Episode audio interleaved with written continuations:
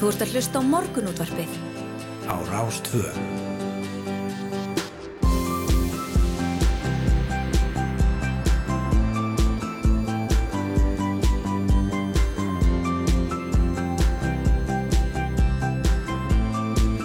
Morgunútvarpið Á Rástvö. Morgunúttarpið býður góðan dag, fyrstudaginn 4. februar. Klukkuna vantar tíu mínútur í sjö og það er yngvar Þóru Snær og Sindradóttir sem verða hérna með okkur til klukkan nýju eins og alla virkadaga. Já, gaman að vera með ykkur í dag. Jú, jú, fyrstudagur, fyrsti fyrstudagur februarmánaðar þessa árs. Já, já, við, það, fagna, það fagna því allir. Já, já, það er stór skemmtilegt og, og fallegu dagur líka hérna, fallegurinn kaldur dagur allavega á söðvestur orðinu. Það er mitt, algjörlega.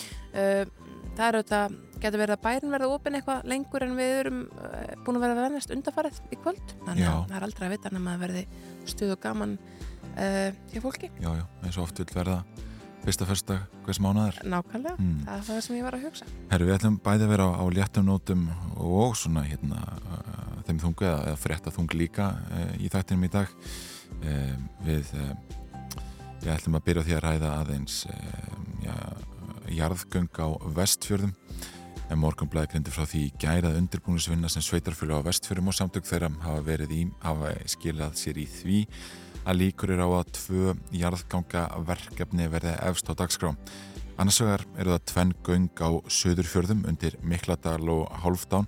Við þekkjum þessi nöfn vel einhvern veginn þegar við, sérstaklega þegar við lesum yfir viður á færð. Æmitt. Oft ein, hérna er, er færðin að spila inn í hana Já. og hins vegar Súðavíkugöng og við ætlum að ræða við Reyn Haraldsson, fyrirverandi vegamálastjóra sem vann skýslu fyrir KPMG um jarðgöng á svæðinu en þar kemur fram að vegakerfið ná ekki að svara kröfum atvinnulífs og íbúa um eðlileg samskipti og reyfanleika í nútíma samfélagi.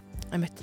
Svo eru það deildunar innan eblingar sem að halda áfram að vera harðar og í útækt sálfræði og ráðgjafastofunar líf og sál sem greint var frá í gær eru stjórnunarháttum Solveig Rönnu Jónsdóttur fyrirverandi formansastjættafélagsins sem nú býður sér fram á ný og Viðars Þóttinssonar fyrir, fyrirverandi framkvæmdastjóra eblingar líst sem eineldi og Viðar sagaður um hvernfyrirleikningu. Það er Viðar Þorstensson sem að verður gestur hjá okkur svona miðbygg þáttar. Já, já. Síðan býðum við öll fréttam af flugvölinni sem með íslensku flugmanni og þremur erlendum farþögum sem leitu við staðið yfir já, síðan í hátegispil í gær um 300 manna leitalið var ennað störfum þegar fréttastofa leitaði tíðindafgangi leitarinnar lust fyrir klukkan 2 í nótt þá var eh, leit hægt brálega eftir það þá hefja leitina aftur núna í morgunsárið og við ætlum að heyra í Davíð Má Bjarnasinni upplýsingafulltrúa landsbjargar um eh, stöðuna Einmitt. Uppi klokkan 8 þá förum við yfir frettir vikunar með góðum gestum og í þetta skiptið Kolbjörn Tjuma Daðasinni, frettastóra stöðvar tvö bylgunar og vísis og önnu Lilju Þórustóttur frettakonu hér á Rúf. Af nógu er að taka þessa vikuna, deilunar innan eflingar eins og ég nefndi hér áðan, verkefælisfélagin eru farin að heyra í sér í aðdraganda kærasamningsviðrana, enni tekist á um sóttvarnar aðgerðir hér á landi og efnistök Joe Rogan sem vinsalasta hlaðvarpstjórnunda heims allu uppnámi og svo er þetta S.A.A. það, já við erum held ég þrjá fyrsta röð búin að ræða má- málefni S.A.A. og, og það sprakk allt í gær setnapartin, þannig að hérna það er spurning hversu lengi það mál heldur okkur að floti í fréttum vikunar Já, einmitt. Um, upp úr klukkan hálf um, nýju þá ætlum við að ræða aðeins uh, samspil uh, já, húmors og dauðans á þessum fyrstu dag hérna. Já, en okkur fjöldi fólks vinnur alltaf nálagt dauðan um dag hvern uh, læknar og hjúkunarfræðingar, uh, lauruglufólk prestar og starfsfólk kirkjugarða Mhm. og oft beita þau húmor til að komast í gegnum daginn. Eða það er alltaf niðurstaða rannsóknar Gretu Karnar Friðriksdóttur þjóðfræðings sem við ætlum að ræða við og hún hefur skoðað þetta samband húmors og dauða í nokkrum starfstjéttum hún segir húmor er vissulega vand með farin en alltaf á þessum vinnustöðum en titill reitgerar hennar er nokkuð lýsandi. Ef ég hlæ ekki að þessu þá mun ég gráta og ég get ekki grátið svona oft einmitt, er þetta er tilvötnun sem sagt hérna í, í einhver starfsmann Já, það er, þetta er endur ákveðispunktur. Það er hægt að hérna, hlæja nánast út í hið óundarlega. Já. En uh, á einhverjum tímpunkti þá hætta bara tárun renna. Já, það, það er alltaf hérna það er bara þannig það er bara þannig og það er allavega gott einhvern veginn að geta að tekið einhvern svona léttleika og húmor með sér inn í erfæðar aðstæður Algjörlega, en í lokþáttar þá fáum við til okkar Birgitu Birgisdóttur leikonu, hún bræður sem von bráðar aftur í líki skáldkonunar Ástu Sigurdóttur á fjölum þjóðleikursins og þessi sunni er síningin komin á stóra sviðið. Hún ætlar að koma til okkar, tala um lífið og leikinn og allt hvað eina, ljúft svona föstudags viðtal hjá okkur. Já, já, einmitt. Nú á fórsum blæðina er vitaskuld eh, talað um þessa leit að flugvilinni. Eh, við fórum aðeins yfir þetta í, í ingangi okkar hérna en það kemur fram hér að fjórmenningarnir hafi flóið frá Reykjavík flugvill á 11. tímanum í gerðmorgun en skiluði sér ekki til baka samkvæmt áallun búið að láta aðstandendur vita af stöðunni, segir Ásker Erlends upplýsingafulltrúi landalgiskeslunar hann segir að, að þetta hafi verið ferðahópur. Flugi hafi verið skipilegt sem útsýnisflug mm til ljósmyndunar og uh, að, við höfum þær upplýsingar að þeir sem vorum borð hafi alltaf að taka myndir af íslenskri náttúru. Og það er alltaf búið að þau veist að þetta hefur verið stórt leitasvæði verið kleifa vatn, mestur þungi verið svona laður í leit sunnan þingvallavats það er svona um, já, svona vegna vísbendinga eða það líklegast er staðurinn. Já, Lingdalsheiðin og svæðið vestur af Úljótsvatni það er svona, já, það er svæðið sem er undir þetta er auðvitað alvalt mál en, en uh, það var yngar frettir borist með mótnunum uh, svo ég veitir til nei, af einhverjum breytingum varandi þessa þessa uh, leit. Hér klukkan uh, mynd, eh, 10 mindur í þrjú í nótt þá segir að vefrúfa hlið hafi verið gert á leitinni. Uh, um 300 manna leitarlið var enna störrum þegar frettastu var leitaði tíðind af gangi leitarinnar löst fyrir klukkan 2 í nótt og leit hefist aftur nú með mótunum það sé ekki bara að gera svo að græja bara, já, þessa stundina. Ég hugsaði það og, Daði Mór Bjarnason upplýsingi fullur í landsbjörgar sem við ræðum við hérna í eftir um það byrj haldtíma hann auðt allt um það mál myndi ég ætla. Nú stundin kom líka út í dag og e, þar er e, já, mikið viðtal við Solvögunum Jónsdóttur sem er að bjóða sér fram til formans eblingar á ný komin aftur og krefst virðingar segir hér á fórsjöðum e, stundarinnar. Og segist já, hafa mætt valda fólki innan verkalýsreifingarinnar sem var nagað af hatri og andúð og hennar mistök hafi verið að vera of vingjarleg sem hún hefur séð að skilar ekki árangri mm -hmm. ég mun gera það öðru sem núna, segir hún Einmitt. Svo er hér uh, inn í blaði í morgablaðinu um, stutt klausa í fórsættisræðara Katrínu Jakobsdóttur þar sem hún segir að samkvæmt heimildum morgablaðsins sé afar ólíklegt að aflýtingar sótvornantakmarkana verði kynntar í dag. Við höfum að vera að tala svolítið í það átt. Viljum hefur sagt að hann vilji gætna uh, ganga lengra heldur en nú er gert uh, og jafnvel ekkert vera að býða mikið við það. En hún segir hér okkar lína þessu er óbreytt. Við viljum áfram vera varfarinn og taka stöðuna alltaf út frá nýjustu mögulegu gögnum. Þetta er stöðu og mati. Já, já, að, að, þeir sem að, að hérna, einmitt ætla að skella sér út á lífið í kvöld eins og ég nefndi hérna með kannski ekki endilega búist því að að koma heim mikið eftir miðnætti. Nei, nei, einmitt, einmitt. Það er oft gaman að ræða aðeins uh, það er fréttar ljósmyndir sem eru í blöðunum en hérna á annari síðu fréttablasins eh, er mynd af, af setningu vetrarháttíðar hún var sett í gær og stendur fram yfir sunnudag.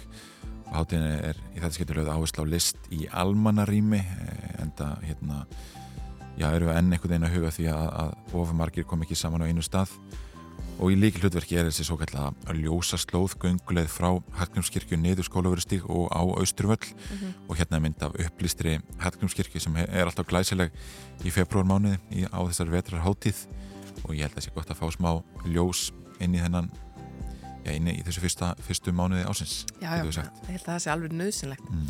en uh, við ætlum að fara hér rétt eftir, eftir frettir, eftir sjöfrettinar þá förum við að segja veður og færð með ykkur. Það er uh, mikilvægt að huga örygginu í, umferðinni og umhverfinu. Já, já, um, og svo komum við að varma spóru með sneisaföllan þátt og fullt af skemmtir tónlist og allt hvað eina. Og við heyrum uh, það nýjast af leitinni að flugvölinni sem týndist í gerð en fyrst þá er það frettir Þú ert að hlusta á morgunútvarpið. Á Rástvöð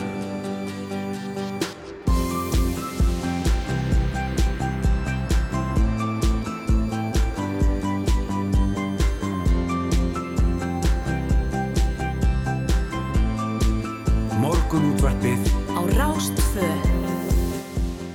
Jú, góðan og blessaðan daginn. Við bjóðum hér Góðan dag í morgunóttarpinu Snæður og Sundardóttir og Yngvar Þór Björnsson. Jújú, sjöfittur að baki og við verum hérna með ykkur til klukkan nýju. Þátturinn sneisa fullur eins og uh, í alla daga. Uh, við ætlum að byrja þáttana því að, að ræða í jarðgöng en morgunblæði greintur frá því í gær að undirbúinusvinna sem sveitarfjölu á vestfjörum og samtök þeirra hafa verið í hafi skilað sér í því að líkur er á tvö jarðganga verkefni verið aðstáð dagskrá.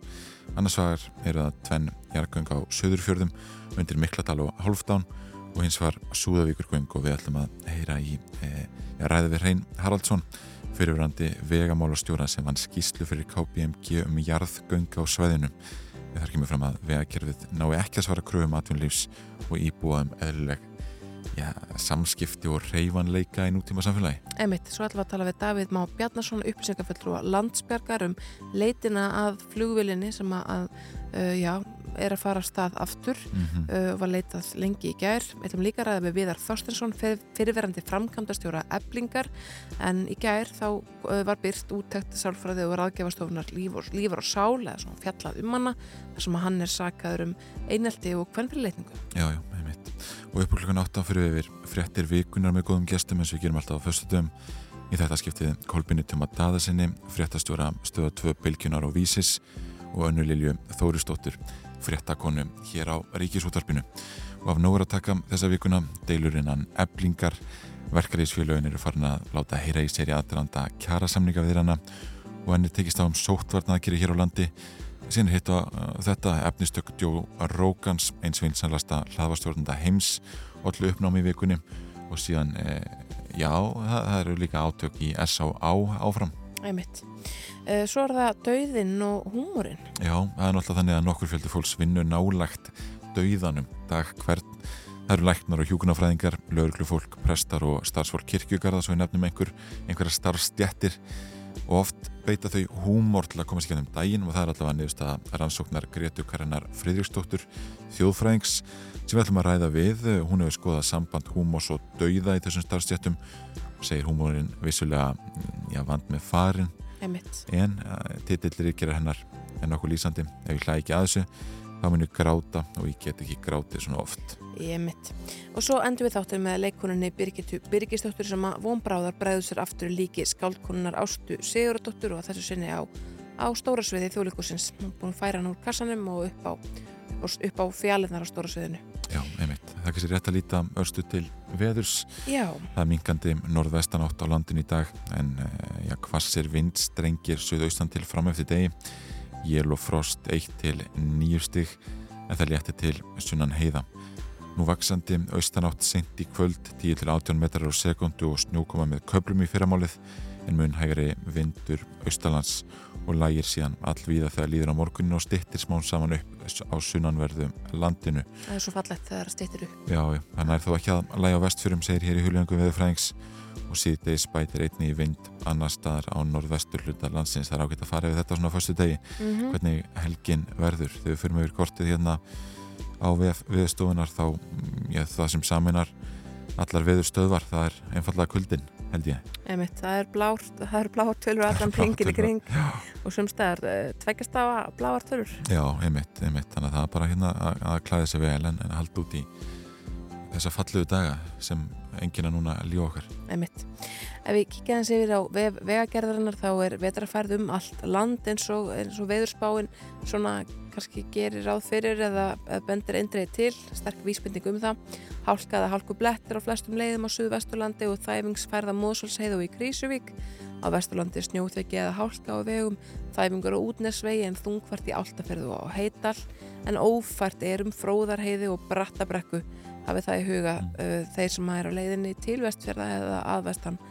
Þæfingsferðir millir byggða á norðanverðum vestfjörðum á Kleifaheiði sem og Innstrandavegi, þungfært á Mikledal, Haldón og Þröskuldum en ófært um Stengursferðaheiði, mm. Klettsháls og norður í Árnesreppin. Uh, það er bara þannig að það verður ekkert kyrst að vestan dag. Nei, einmitt og þetta er náttúrulega áhugavert þannig að bæði talaði um Mikledal og Haldón og erum við mitt að ræða um jarðgöng uh, þar núna einmitt. eftir örfáða myndur. Já, nákvæmlega, einmitt. En það er bæði Stengursferðaheiðin og Brettabrekkan sem eru ófær eins og sakir standa svo það sé tekið fram, það getur auðvitað breyst eftir því sem líður á daginn. Þannig að eins og ég, já, svo ég tryggja það enn einsinni, vegfærandur á leiðinni vesturaferiði eða að vestan það verður ekkit farið þessa leiðina í dag, bara þannig mm. Já, já, á Norrlandi er viða snjóþekja eða þæfingur og mokstur stendur yfir. Það er óstífverna snjóflóðahættu á veginum norðan Ketilás á Siglufjörðavegi og óstífverna snjóflóðahættu einni í Ólasfjörðamúla á Norðausturlandi er snjóþekja eða hálka á vegum og viða skafrenningur og jæljagangi e, þæfingur á Mývas og Möðrudals Urrafum sem og Vopnafjörðaheiði og Austurlandi snjóþekja hálka eða hálkublettir viðaskvar á Lálendi þungfart á ja, um fjardarheiði og varað við reyndurum á Fagradal og við lagarfljóta að spynja hvort við segjum en aftur hennan brandar um að Já, um að þessir reyndir sem þurfa að vara sig okkur við séum stór hættulegu umfærinni Á Suðausturlandi hálka og hálkublettir og á Suðurlandi sögum sögu að segja snjóþekja eða hálka e, á öllum leiðum þæfingur og eftir að hluta skeiðavegar. E, og síðan er brúin yfir Kjeldál á Sandholmavegi skemmt það er 15 ástungi þetta er undir eigafjöldum en við ætlum að heyra smá tónlist og koma svo hér að vörmu spori. Þetta er líkt nýtt lag með Sycamore Tree, það heitir La Flamme. Og eh, já, ég veit ekki betur heldur en að, að þau sem að þessari hljómsveit standa hafi vilja að leita svona í uh, sjötta áratugin þetta er franst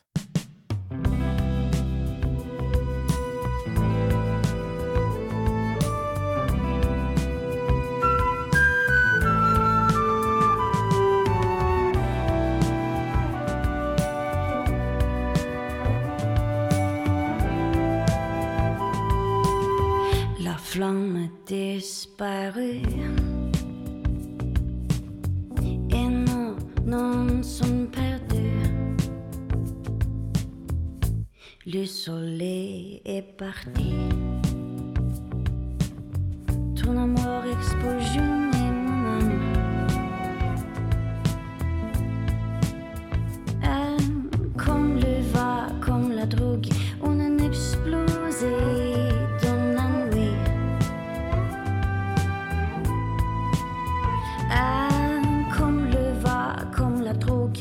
soleil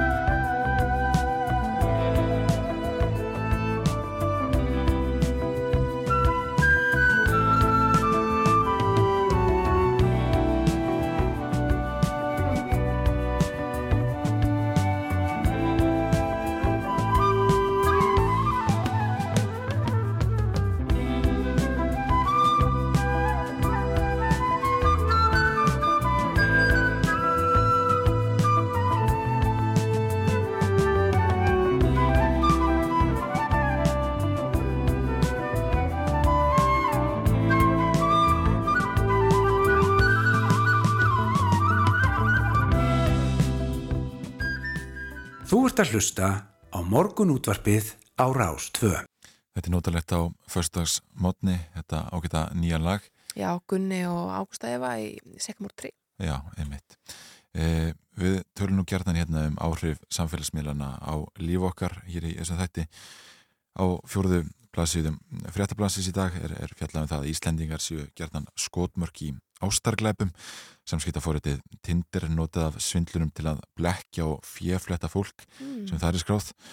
Og lauruglumæður segir þólendur brotana yfirleitt eldri en 50 ára. E, fólk sem er kannski hérna, er ekki alveg upp á samfélagsmiðlum einhvern veginn eins og kannski við erum nánast en kannski fyrir eitthvað kynsluar fyrir neðan okkur Emitt. þetta er hérna, já, segir ég yfirleitt sjá aðferðinir sem brotum áþekk gerandi skapi legasögu að gefa til kynna sterkastöðu en hann þarf einhver tímaböndin stuðning. Og þetta er yfirleitt engungum með tölvupost samskiptum en það þarf að vera hansi kræfur til að hitta manneskjöldnar og standa undir líginni í lifandi lífi, segir Jökull Gíslason rannsóknarlörglumæður. Mm, já, þetta er, þetta er mjög forhóttnilegt það er auðvitað, þetta leikir sér aðeins af fólki sem er ástfungið, það já, er bara þannig. Það er náttúrulega að vera að fjalla um þetta hérna í, í kjölfar vinsaldar heimildamindarinnar The Tinder Svindler sem var frumsýnd á Netflix nýla og fjallar um hennan eh, Jánu eftir að horfa hana er, er hann ekki norskur Ég, ég er ekki bara að rána þessi svindlari, ég, ég þekki það ekki alveg. Þetta er svindlar En internet, eh, hérna, já, interneti og samfélagsmiðlar eru svo sem ekki bara að vinna neikvæða. Ég að kenna augun í mjög skemmtilega frétt á Vef Guardian þar sem að er greint frá 19 ára strák sem að tók upp myndband af sjálfum sér að, að íta eh, og play á einhverjum svona lægi sem hann fann í bílinum sínum. Mm. um, hafði ekki heyrt lægið áður og, og hérna söng með því á þessari eh, í þessu stutta myndbandi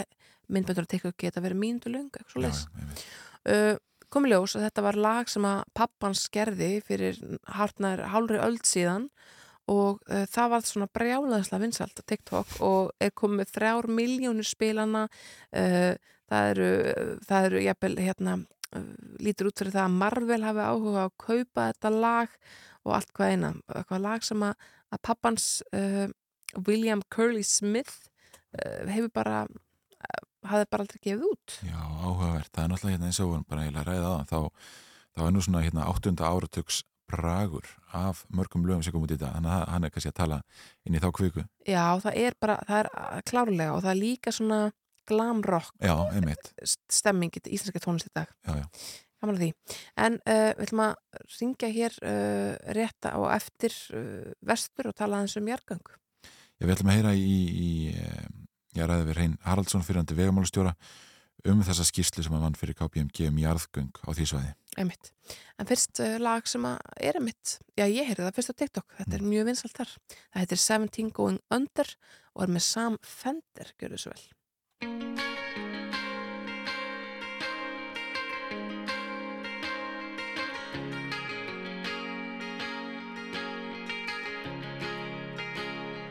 I sickness was forever. I remember snuff videos, cold Septembers, the distances we covered, the fist fights on the beach, the busies round us up. Do it all again next week. An embryonic love, the first time that it's scarred embarrass yourself for someone, crying like a child. And the boy you kicked Tom's head in still bugs me now. That's the thing, it lingers and claws you when you're down.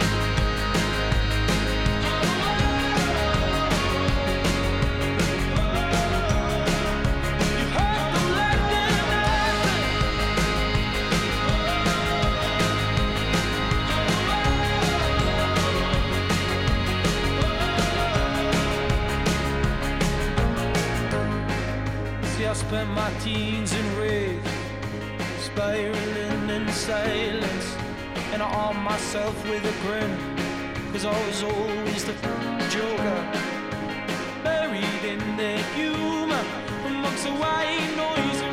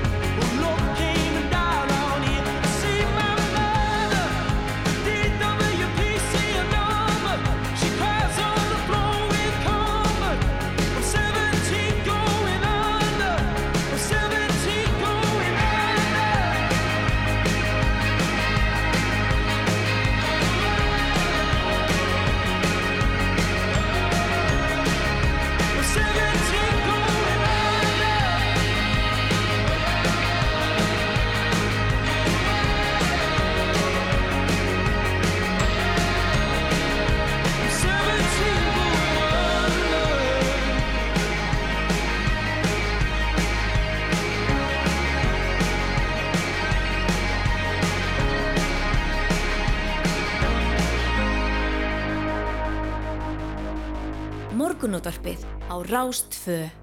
Alla virka daga frá 6.50 til 9. Já, uh, morgablaði greindi frá því í gæra undirbúningsvinna sem sveitafélag á vestfjörðum og samtökum þeirra hafi verið í, uh, sk hafi skilað sér í því að líkur sér á tvö jarðgangaverkefni verði efst á dagskrá.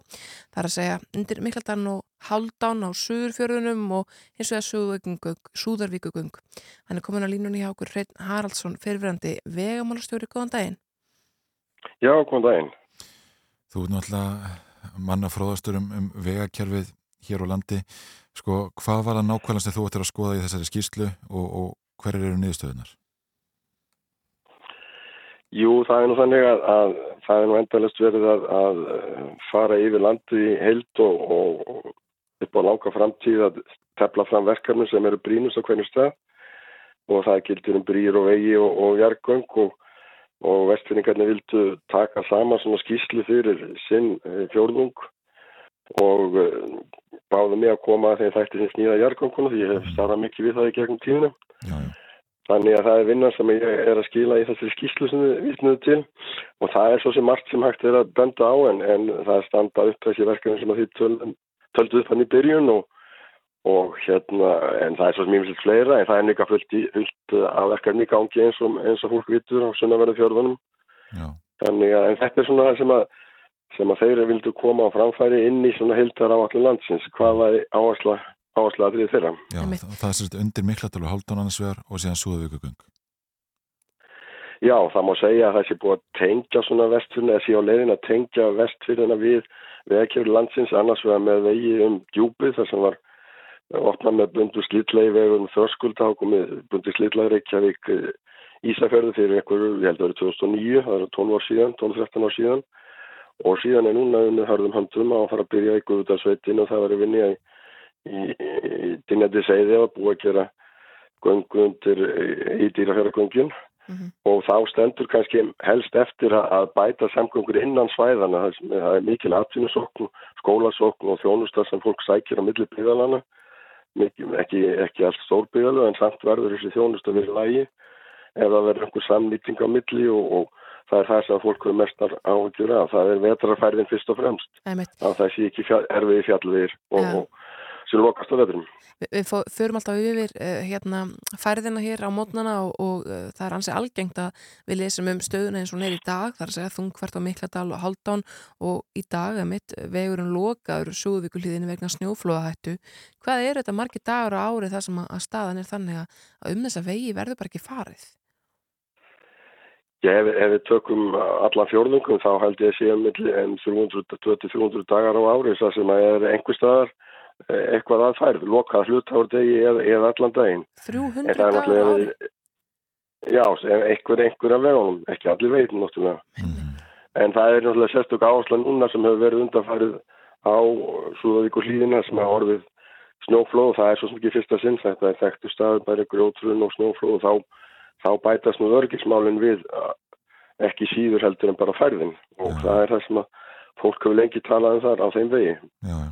Og það er, það er bæði milli Súðavíkur og Ísafjörðar en líka bara þungaðum fyrir öll sem fer um tjúpið og til Ísafjörðar. Hún þarf að fara þarna um. Mm Þú vekur aðtegla á því að að hlutur vestfjörða í vega framkvæmdum á undarförnum árum hafi verið fremur rýr og staðan sé því ekki góð. Hver, hvers vegna hefur þessi staða skapast sérstaklega á vestfjörðum og, og það er líka talað um í skýslunni að, að já, svona vegakerfið sé kannski ekki samkeppnisfært e, þarna við í önnur svæði. Já, ég held að segja, ég held að ég segja með er undanfjöndum áratugum en Mm. ekki, ekki rétt að segja undanfjöndum árum, það er mikið búið að setja í ganga síðustu árum Já, já, eins og ég nefndi á þann en ástæðan náttúrulega er fyrst og fremst það að, að þarna eru mörg, flest verkefni eru mjög dýr en umferðin er lítil og þá vilja þessi verkefni bara ræðast aftalega á landsvísu þar sem er ekki mjög margir sem að njóta ávinningsins af dýrum framkvæmdum. Og það er svo sem ekki bara þarna sem þannig hefur verið háttaðilin, verið hýða á norðaustur hotni og, og annar staðar en, en eh, kannski má segja að séu svona á síðastir í röðin að, að fara að, fá svona almennilega vel uppbyggða framtíða vegi. Það er það sem er verið að þýsta á. Getur verið að uppbygging á fiskaldi og, og öðrum yðnaði á í þessum fjórðangi sé svona flýta fyrir því að, að, að það verði gert eitthvað í vegaframkvæmdum fyrir vestan? Ég það er náttúrulega þrýst mjög á um það af, af heimamönnum, það er alveg ljóst að það eru gjör breyting og atvinniháttum á sunnaverðum fjórðunum og út af þessu fiskeldi og, og það kallar á öruga flutninga með afurðnar og, og það hefur þyngt mjög þessar áherslur á jargung til dæmis á þessum stöðum um Mikladal og, og Háltá. Þannig að það er öruglega væntingar heimamanna, það eru væntingar heimamanna náttúrulega að þetta skilir sér í fangkvæmtum innan ekki allt og langra framtíðar og, og ekki síst út af vatnlífinu. já, já, einmitt, einmitt. Sko, uh, staðan við þessa vinnu var kynnt á fundi nýlega á vestfjörðum, sko, talur um að að það verið ráðist bráðlega í þetta, er settur einhver tímarami fram annar, annarkvort í skýslunni eða bara í, í samskipnum þínu við vestfjörðinga? Er vita hvenar ráðist verður í, í einhverjar svona róttakar framkvæmdir? Sko þessi vinna og, og áallun eh, miðast nú einhverja ára tíu fram í tíman, þannig að vera að tala um alveg til 2040-50 að mann vilja fá allir þessi verk í, í, framkvæmt fyrir þann tíma. En, en málið náttúrulega ræðist ekki þar eða í skýslu sem að ég keri þetta náttúrulega ræðist eins og önnur stórverkefni í samgöngu sem að samgöngur áfæri leggur fram og, og fer síðan fyrir þingi og það er samgöngu, umhverjum samgöngu sem að sem að getur breytt og, og fjallar um all verkefni og loksins er það alls ekki sem ræður og hann hefur talað um að það verði farið í það næsta vetur þannig að þá munum við stilla upp jarganga verkefnum næstu áratuga inn í eina landsáallun og, og þessi vinna fyrir vestan er hugsa svona sem innlegg í þá vinnu til að flýta fyrir og hjálpa til og leggja fram áherslu vestfyringa fyrir sitt svæði. Einmitt. Hreitn Haraldsson, fyrirverandi vegamálustjóri, takk kærlega fyrir að vera línunni hjá okkur. Já, ánlítið, takk fyrir það.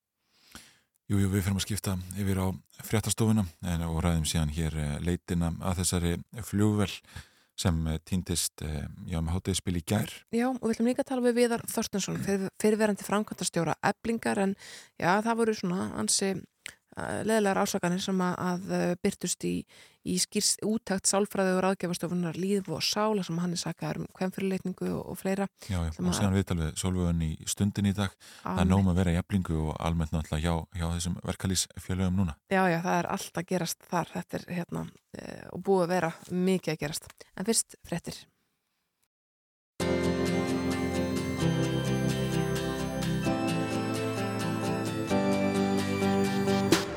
Þú ert að hlusta á morgunútvarpið á Rástvö. Gert á leitina lítilli fjögur að setja fljóvel í nótt sem ekkert hefur spurst til síðan um hátegispil í gær. Um 300 manna leitalið var ennastörum þegar fréttastofa leitaði tíðind af gangi leitarinnar laus fyrir klukkan 2 í nótt og Daði Már Bjarnason upplýsingafulltrú í landsbergar er komin á línuna, góðan daginn. Góðan og blessaðan daginn. Hvað tekur við hjá ykkur núna Og hver er staðan núna? Staðan er uh, reynilega svo núna að það leiti eins og kom fram og það voru allir hópar konur í kvilt þarna þegar klukkan var þannig að ganga fjóri nótt.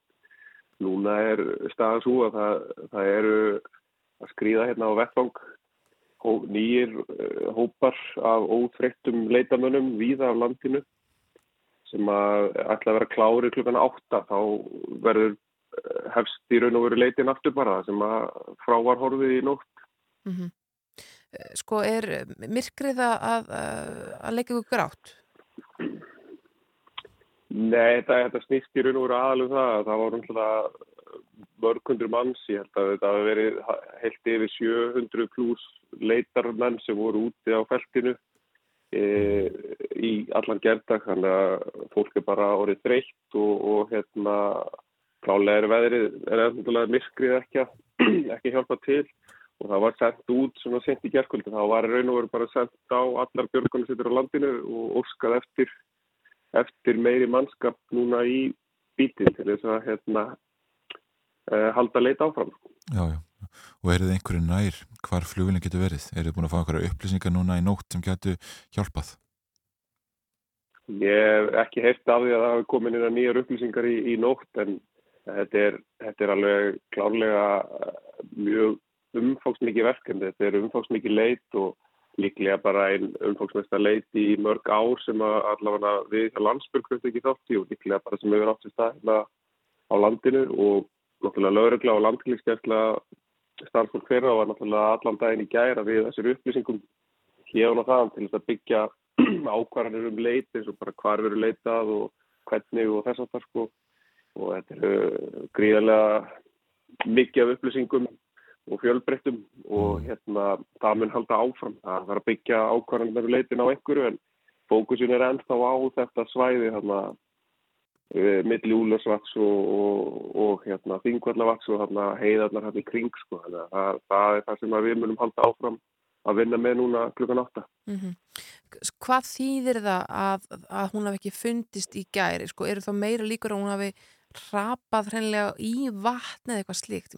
Vantarlega yfir þyrrlan flóið hérna yfir og svo framvegs hvað þýðir það að hún hafi ekki fundist? Já, voru, það er uh, rúsalega góð spurning. Það voru, mitt, það voru tvær þyrrlur uh, við leitt bróðpartin eiginlega bara allan daginn í gæð uh, þyrrlunar og landinskjallur veit ég að vera að klára núna í morgunsárið eins og hópa frá okkur og munu, munu taka þátt í verkefninu Eh, var leita með fjölda dróna og bátum og bílum og gangandi og, og alls konar. En hvað þýðir að það er bara, það er ekki gott að segja sko. Það er, það er, það er ansið margt sem að getur hafa gert. Þetta er svona, þú veist, við höfum áður tekið þátt í leit að flugvel. En þá er yfirlegt sko komið eitthvað neilabótt. Þá er yfirlegt sko líka fyrir einhver upplýsingar. Það, hérna, það sást eitthvað gerast eða það, hérna, það fór neyðarsendur í gang en veist, það er ekkert svoleiðist núna sko. þannig að það er kannski það sem er óhefndu við þetta og, og auðvitað getur komið haustum á stað hjá fólki að hugsa það, það, hvað hefur gerst, það hefur alls konar gerst en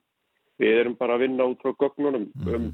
hvar velinu var líklega síðast og, og, og alls konar svona upplýsingum og uh, ég get ekki sagt með fullri viss eitthvað að það er meiri líkur hún að ef hún hefur eitthvað komið fyrir vel og nú er rappað á hún að fara í vatni eða landa. Nei, en er, eru þið með kafara? Verða kafarar á svæðin í dag? Það var ekki, ekki verið kafarar í þessu verkefni ennþá og ég er svo sem ekki hýrt um það að það sé planið. Sko. Nei, einmitt. Hvað verið þið mörg á svæðin í dag?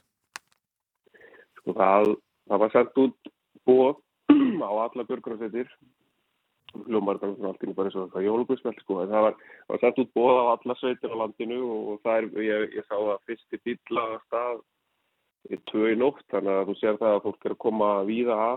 Og við erum að sjá okkur að tvíi leitarhópa koma núna alveg ferskir inn í þetta verkefni, núna klukkan átta.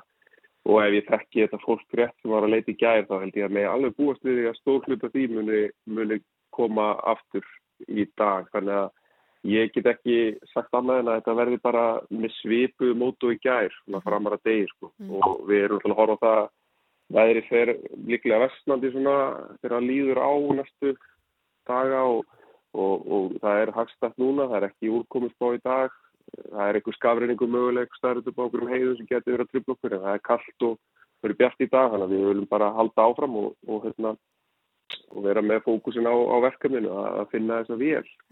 Kanski loka spurning, uh, sko þegar að hérna, það kemur svona, op, svona opásla margir að leit sem þessari, það leita lengi, allir vera þreyttir og svo framvís, hver er það hjá ykkur sem að, að sér um alla þessar sjálfbúðalið að næra þá og, og passa að yngir sig að ofkera sig og að allir fái eitthvað heitt í kroppin og svo framvís? Hvernig, hvernig er því hátað? Það er rosalega góð spurning, sko. það er nefnilega kannski að fallega við, við þessi samtöku er að það er rosalega mikið af fólki í slísvánafélaginu landsbjörg. Og björgunum þetta fólk er náttúrulega búið að hljóta hjálfun og eins og í svona aðgerum þá, þá eru, gerum við ráð að fólk sé sjálfbært í, í, í allavega sólaring eh, en þetta er náttúrulega eins og við þekkjum. Það er íslenska, íslenska þjóðsáling það hoppa allir til, það eru opnu hús og það eru aðgerastjórnendur fyrir okkur og öðru viðbrastæðinu sem er að vinna þessari aðgerð eða um allt land. Það er náttúrulega nú er fjárvinn allt í norðið eitthvað þeng mm. og það voru aðgerastjórnendur þessari aðgerð að vinna Suðunessum, Reykjavík, Árnesi og, og hérna fyrir norðan. Mm -hmm. eh, það, er, það er bara þessi hópur af, af fólki sem er að stjórna þessum aðgerðum. Þeir skipta með sér þessum verkum og eru stórlut af þeim, er einmitt að hugsa út í þetta. Já. Það þarf að taka mótið þessu fólki þegar það kemur hingað á vettfang og það, þá eru náttúrulega búið við rosalóft að því að, að bara almenningur og hinnir og þessir aðilar og fyrirtæki eru bara bóðin og búin að hérna, opna sínar dyr og bara gera allt sem það þarf að gera. Já, já, það er ótrúlega kraftur í fólki þegar negin er svona mikil. Davíð, þakka fyrir að vera á línu hjá okkur og, og þá eflust eftir að ræða við þig oftar hérna í dag á viðum fréttastofunar og annar þáttar. Já, bara ekkit mál. Gótt að byrja daginn með ykkur. Já, takk, takk sem við leiðis. Það sest einna hjá okkur Viðar Þorstinsson fyrirhandi frangotastjóri eblingar eftir eitt lag eða svo uh, sittiði rálega og, og hérna býðið til því.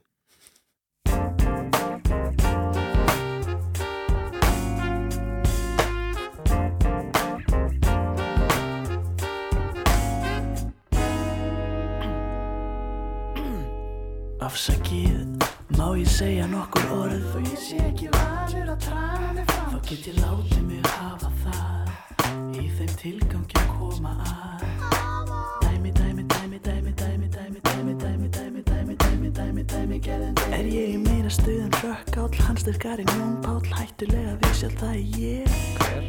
Skýrnar af stengrimur, ættan af bygg Fagmannleg jónust og ál Hver er ég? Ég er það frambóðið eftir Þeir fyrir stóri hug Skýrnar af steingrímur ættan af bygg Fagmannið þjónust og áhrifar Æmir kæðin deg Marka frambóðið eftir spustning Að röðina eitt fyrir stóri hug Og það er allt í góðu læg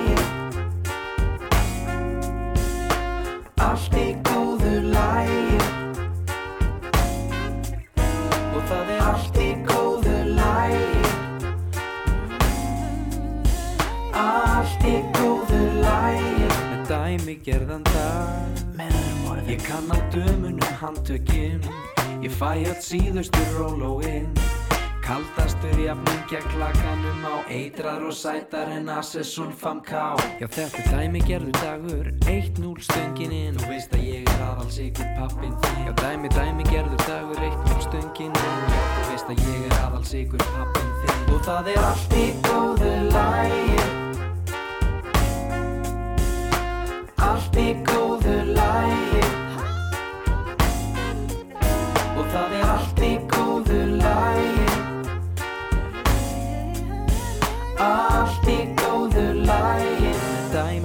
dæmi gerðan dag já það er allt í góðu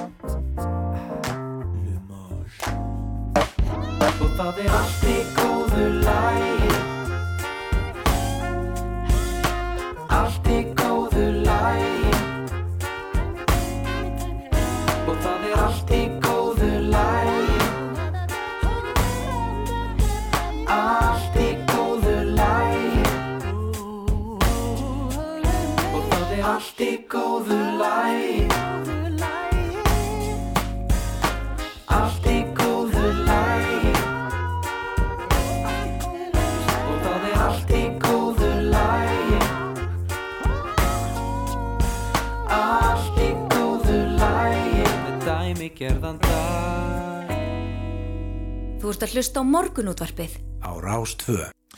Jútækt sálfræði og ráðgjafa stofunar Líf og Sál sem greint að frá í fréttum í gær er stjórnarhóttum Solvegar Önnum Jónsdóttur fyrirvandi formans eblingar sem nú býður sér fram á ný og viðar Þorsteinssonar fyrirvandi framkvæmdastjóra e, Lísem Einelti og viðar sagaður um hvern fyrirlitningu nú viðar er komninga til okkar, góðan daginn Já, góðan daginn.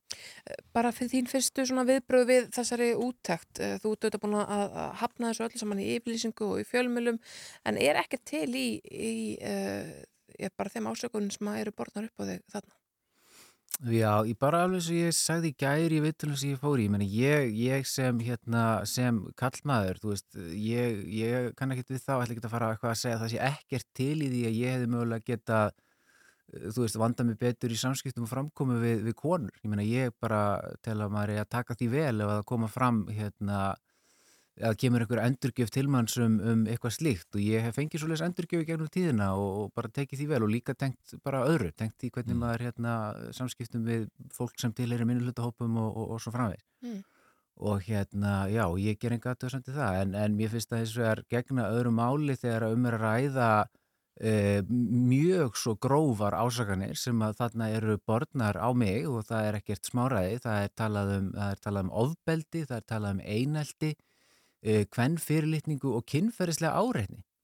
Og ég eiginlega bara að vera að segja ég er mjög gáttaður á því eh, bara að það sé hægt að ástunda svona vinnubröð Mm. að hérna að maður bara heyri af því í fyrsta sinn í frétt í fjölmiðlum. Að hérna manns vinnufélagar fyrir um séu að, að bera mann eh, slíkum sögum og ég hef aldrei orðið fyrir slíkum eh, ásökunum í, í mínu starfi Nei, einmitt.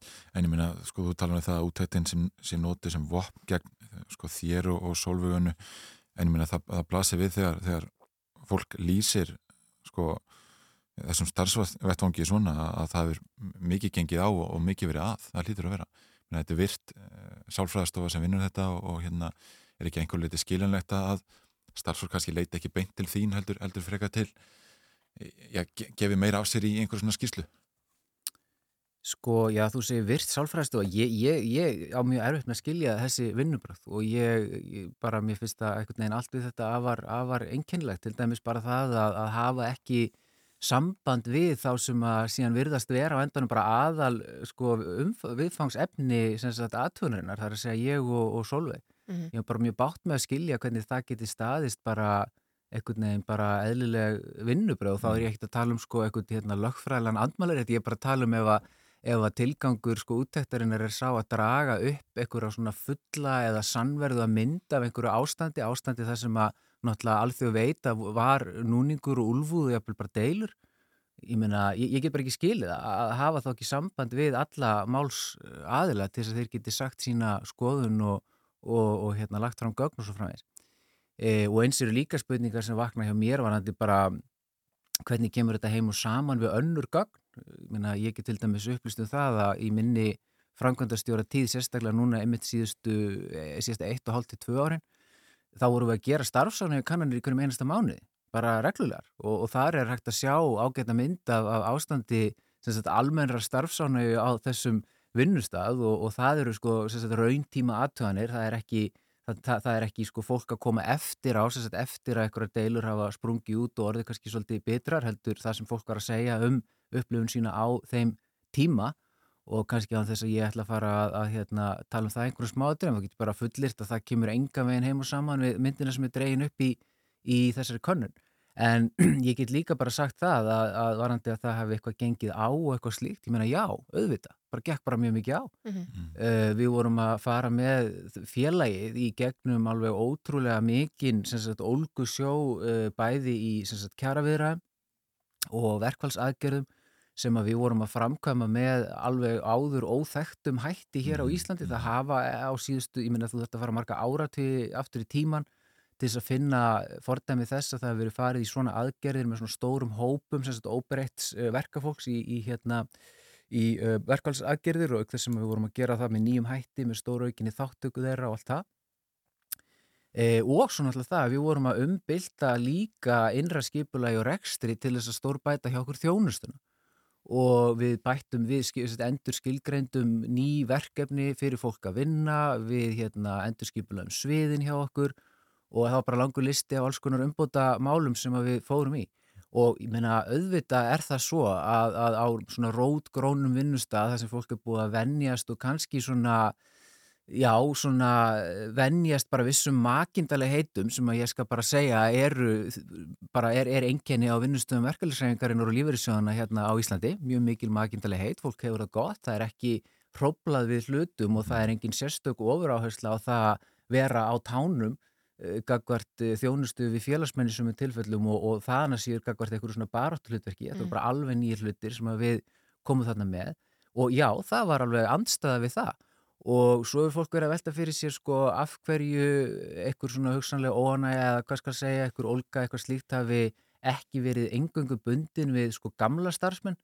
Það er bara vegna þess að þessi verkefni voru líka bara öll ný og ný fyrir öll. Mm. líka þeir starfsmenn sem að við eh, sem sagt réðum inn uh, nýja voru líka að takast á við bara mjög, þú veist, ný og erfið verkefni sem að, eins og ég segir, og sumuleiti áður óþægt hér uh, á Íslandi í, í verkefælisræðingunni. Mm. En, en, en þannig að ég vil þá bara segja fyrir ekki snæra, auðvitað það bara ellegt að það kemur upp alls konar, þú veist, núningur eða eitthvað slíkt og, og hérna og, og bara mál sem þarf að leysa og það hefur bara ávalt verið gert og mm. með faglegum hætti þó svo að, að í sömum tilvökum hafið að leytist til dæmis að fólk bara átti ekki lengur samleið með félaginu mm.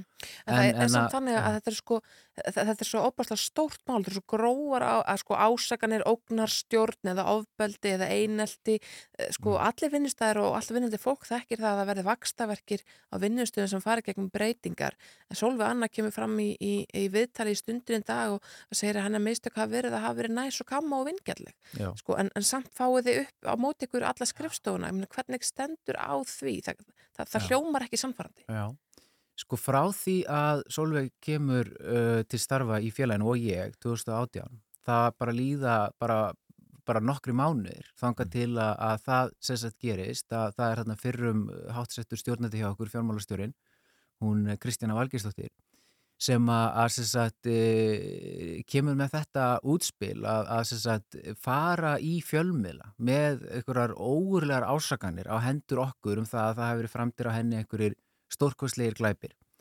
Og ástæði þess var svo að hún sagt, var ekki ánað með það að, að, að hérna, við vorum ekki tilbúin að fallast á það að hún ætti að vera á launum sko, í 2,5 ár eitthvað slíkt í tegnslu við starfslökunar Hún fer þarna fram og fær með sér til liðs uh, eh, Láru Vaf Júliusdóttur sem að mörgum er talin svona helsti uh, vinnumarkas uh, hérna lögfræðingur landsins til þess að bakka þetta upp og, og halda því fram að eins og segja þarna hefur verið framtinn einhverju glæpir og þetta sé nú bara eitthvað svona sagamál og það er að fara í mál við okkur og eitthvað slíkt. Þarna var bara rutt ákveðin braut og bara margir hafa bara séð sér leika borði að bara stökka á þennan vagn. Það er, verið, það er greiður aðgangur á fjölmiðlum til þess að hafa uppi svona ásakanir það er ekki hérna neitt sérstaklega hár svona, hvað skal segja, það er ekki, er ekki hár sönnunabyrði eða sönnunar þröskuldur það var aldrei reyns neitt, neitt hæft í neinum af þeim ásökunum sem hafa verið borðnar á mig og svo en, en það hefur verið gríðilega erfitt að fá svolítið önnu í viðtal. Við hefum marg reynd að hafa aðri fjölmjölar marg reynd, hún er vissulega stóru viðtali stundin í dag en, en hérna hún verður alltaf stýra því algjörlega hvernig hún kemur fram eða við hvernig hún ræður Já, ég held að sumum finnst að Solveig Anna sé ofmikið í fjölmjölum og sumum finnst hún sé oflítið í fjölmjölum, hún er alltaf svara því bara sjálf en ég held að geta engin, engin saka hann að Solveig um það að ekki, standi ekki sína plikt í því að koma fram uh, ofinbella, mm. en, en ég skil alveg að fólk sé að velta þessu fyrir sér, en ég meina það er síðan auðvitað ákveð samhengi sem er bara það að það sem að ebling hefur verið að gera undir uh, stjórn Solveigar og, og Bjelistan sem að tók við þarna 2018 var auðvitað það að, að sigla ekki hinleikna sjó. Það mm. var það að, að hérna, vera tilbúin að, að rokka bátnum og, og, og taka slægin og hérna, þess að ég ætli kannski eitthvað að fara mikið út í einhverjar kenningar þá er það náttúrulega bara þannig að þegar þú gerir það þá ertu að útsetja þig, þú ert að taka áhættu mm. og því miður að þá er það stundum svona kemur það fyrir, skulum segja, að, að gaggríni, hún er ekki endilega sett fram málefnalega Nei, og það er staðirind með solvöðuna hennar baráttu. E, það hefur ekki tekist að segra þá baráttu með rökum. Það hefur ekki tekist mhm. að vinna hana í hérna, svona samfélagsumræðinu og orðræðinu. það er ekki tekist að sigra hana í kostningum ég meina, ég veit ekki hvort þið munið eftir þessu hvernig það var 2018 áraðurinn sem að gekk ágagvart henni og hennar personu þá var, var ótrúlegur og svíðurlegur en það tókst ekki, hún vann samt kostningar uh, áraðurinn aftur og svíðurlingarnar gegn uh, henni og félaginu og félagsmönnum og þeirra kjarabaráttu í hérna, uh, kjarabaráttu uh, tímabilinu 2019-2020 var líka svakalegur og þar var öllum ráðum beitt og alls konar árásir og allt mögulegt reyði fram en það tókst heldur ekki að sigra þá. En, en þetta er svona, það er auðvitað bara ímsum, ímsum bröðum beitt og Mm. það er kannski bara því miður ákveðin svona partur af því að standa í, í baráttu sem bara nýtur ekkit endilega vinsæld alls þar. Já, síðan alltaf grein frá því núna um miðað vika að kostnaður eflingar vegna ímsa starfsmannamála í þessi þrjú ár hafi verið hátt í 130 miljónir króna. Um, Það er alltaf æskilega fjárhæð til að eigða í starfsmannaveldu. Já, sko, starfsmannakostnaður eblingar við 50 manna vinnust er náttúrulega bara miklu, miklu, miklu hærri heldur en 130 miljónu. Ég hef skaplega bátt með að skilja hvernig við erum að draga fram þessa tölu og allir eiga að taka andköp. Ég meina, það bara kostar að reka stóran vinnustaf. Auk þess finnst mér það ansi sérstakt að þessi verið að eh, einhvern veginn telja það eftir til dæmis að greiða veikindarétt. Mm. Það er nú svona nýtt fyrir mér að, að, að, að ég ekki, ekki að gera það. Mhm. En, en það er svona með ýmislegt í þessu að ég meina til dæmis þessi úttekt sem þú ert að vísa í þarna Mm. hún sagt fer í fjölmiðla þannig að það er einn stjórnarmaður í eblingu, hann Guðmundur Baldursson sem að sagt leggur fram einhverja beðni til formannsfélagsins um það að fá þessi gögn og svo eru þau afhent honum og hann leggur þeim samstundis í fjölmiðla en þetta verður aldrei til dæmis verið kynnt fyrir stjórn félagsins stjórn félagsins fekk aldrei að sjá þessi gögn vissi ekki að veri verið að útbúa þetta eða, eða neitt slíkt Mm. Og, og hérna aftur segi ég alveg eins og með þessa svo kvölduðu úttekt frá þessari svo kvölduðu sálfræðistofu, ég hef til dæmis aldrei fengið að sjá þess úttekt og, og svo er ég settur í þá stöði að fara að svara fyrir þetta ofnbella og ég veit ekki einu sinni til hvaða tímabils hún tekur hvað það annað þannig að það er nú orðið svona Mm. ansi erfitt fyrir mann að svara og mann svona kannski fyrir að kvartla á manni að hér sé kannski ekki endilega um að ræða sko heiðarlega að leita sannleikanum heldur bara hugsanlega eitthvað annað saman Mm, Bara áróður. tímasetningar og, og, og fleira og það er nú kannski það sem að svona situr eftir hjá mér varandi þessa, e, þessa úttekt þarna sálfræðistofunar líf og sál ég, það er bara svo erfitt að sjá hvaða trúverðuleika þetta hefur. Ég meina auðvitað er það gott og æskilegt að það séu gerðar vandaðar úttektir og hlutum og það sé reynd að draga upp sannverðu að mynda stöðu mála og það sé gert þannig að síðan sé að þú veist bregðast við því einhvern veginn málefnilega einhverju eðlur samhengi. En þegar að vinnubröðin eru svona og síðan er því lekið taktist í fjölmiðla á, á ákveðnum tímapunkti þegar náttúrulega starfsmannahópurinn því miður er náttúrulega nánast búin að lýsa yfir stríði við einn hérna, frambjöðandan í formannslag þá því miður verður þetta ekki málefnarlegu trúverðu umræða og það er, það er mjög miður. Við erum rétt í lokin, ef farið svo að Solveig vinni þetta efningakjör, þú verður aftur frangotastjóri, sko, er, er það útl fyrir bara hreinsanir á skrifstofunni? Ég veit bara ekkert hvernig verður með það og ég veit ekkert endilega hvort ég myndi sækjast eftir því að verða, verða framkvæmdastjóri hjá eblingu og það er auðvitað bara ákvörðun stjórnar að, að, að fjalla um það. En ég held að í til dæmis stefnu baráttulistans get ég alveg séð að það er verið að tala um að það er svona halda áfram á þeirri vekkferð að gera umbætur í, í starfsmannamálum og ég held að sína alveg klart mál, allt sýnir það að það er ekki vanþurfa á, á þessum, þessum vinnustaf. Að það að og, ef að þú verður frangotastjóri. Ég er náttúrulega að vísa bara í það sem ég get lesið þetta í stefnu baráttulistans ég er ekki, ekki, ekki fulltrú hans. En mitt. Viða Þorstinsson, fyrirhandi frangotastjóri Eblingar, takk kærlega fyrir komuna. Við ætlum að fara hérna við frettir vikunar eftir uh, að hafa skiptið verið á frettastofuna. Já, já, ræðum við Kolbjörn Tima Daðarsson og Önnu Lilju Þórustóttur. En mitt. En fyrst uh, frettir. Þú ert að hlusta á morgunútvarpið. Á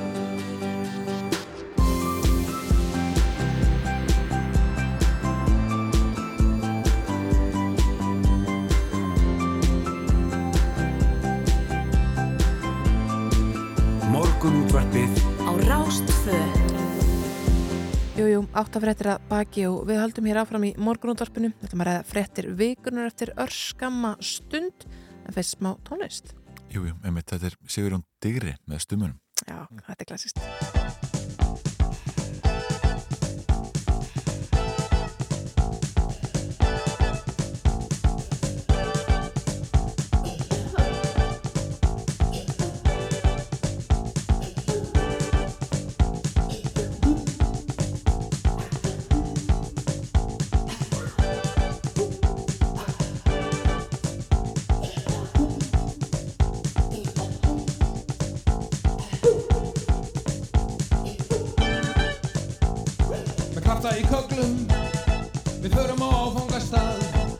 alls góð í baklum brunum við þagnan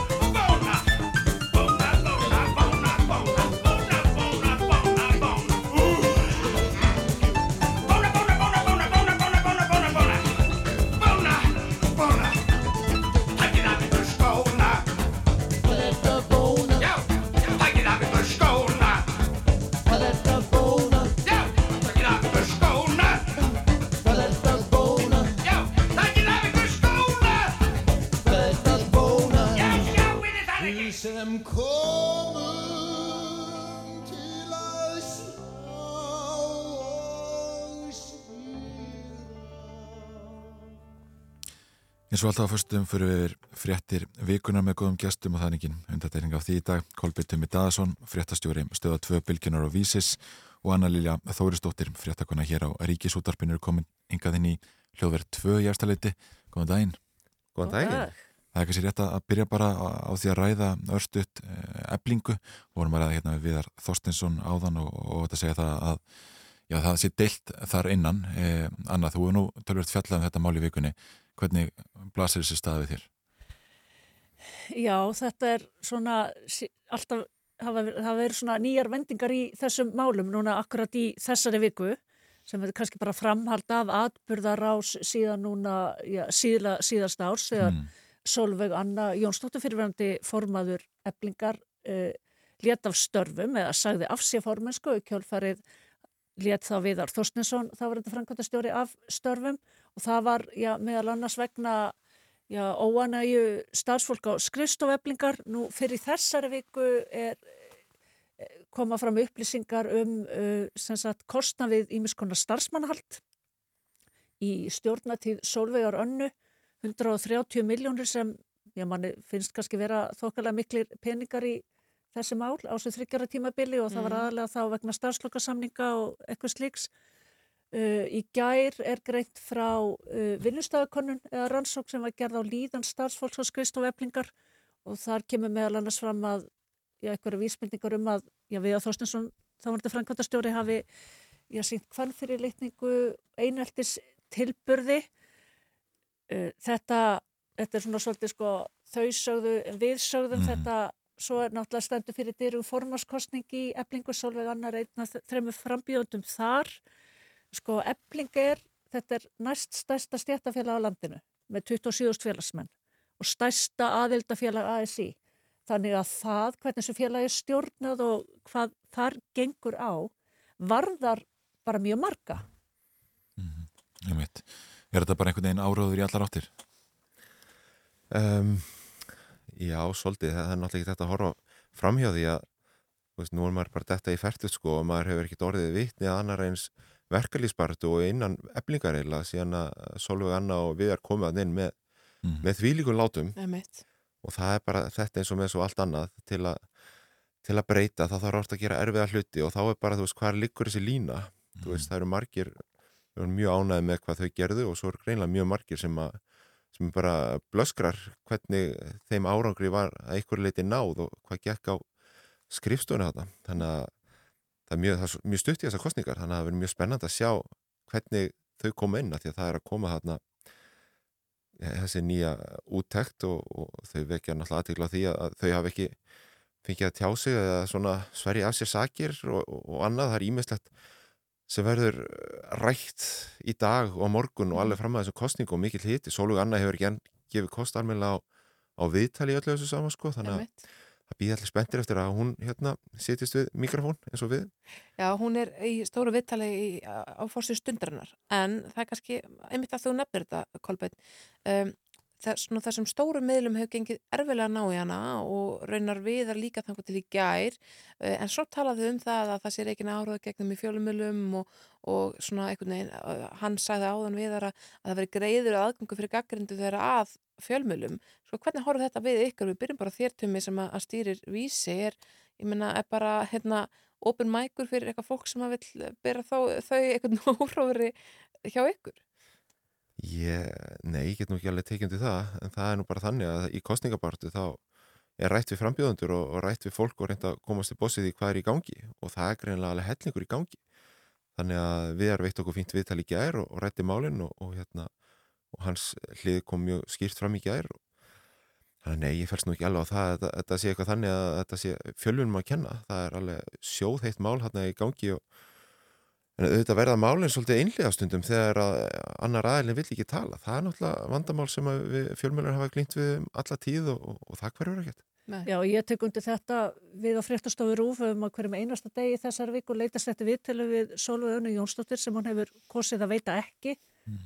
og bara núna síðast í gær þegar þessi skýrsla sem við ræðum aðan þessi úttekt var gerð ofinberð hún hefur aftur á mótu kosið að tjá sig á Facebook síðu sinni. Það er raunin það eina sem við geta haft eftir henni en mm. við höldum að sjálfsáfram að reyna.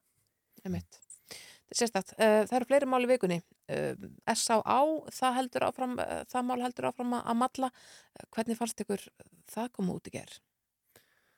Það logar allt þar, alveg eins og hjá eflingu. Já, það er bara wow. gjörsalega kræmar sko. Já, það logar allt í februarmóni, það er bara hann. Með það stendið náttúrulega allt í að Þóra Kristín er þið bara nýr formaður með, já, svo til alla stjórnamenni á, á bakvið sig og, og svo er eitthvað að gerast á bakvið tjöldin sem við vissum greinlega ekki af, fyrirhandi formaður að, að spurjast fyrir með svona, já, ég veit ekki, jú, svo, svo svolítið sérstakka fyrirsput kannski, það sem að Kastlós fór að beinast að, að,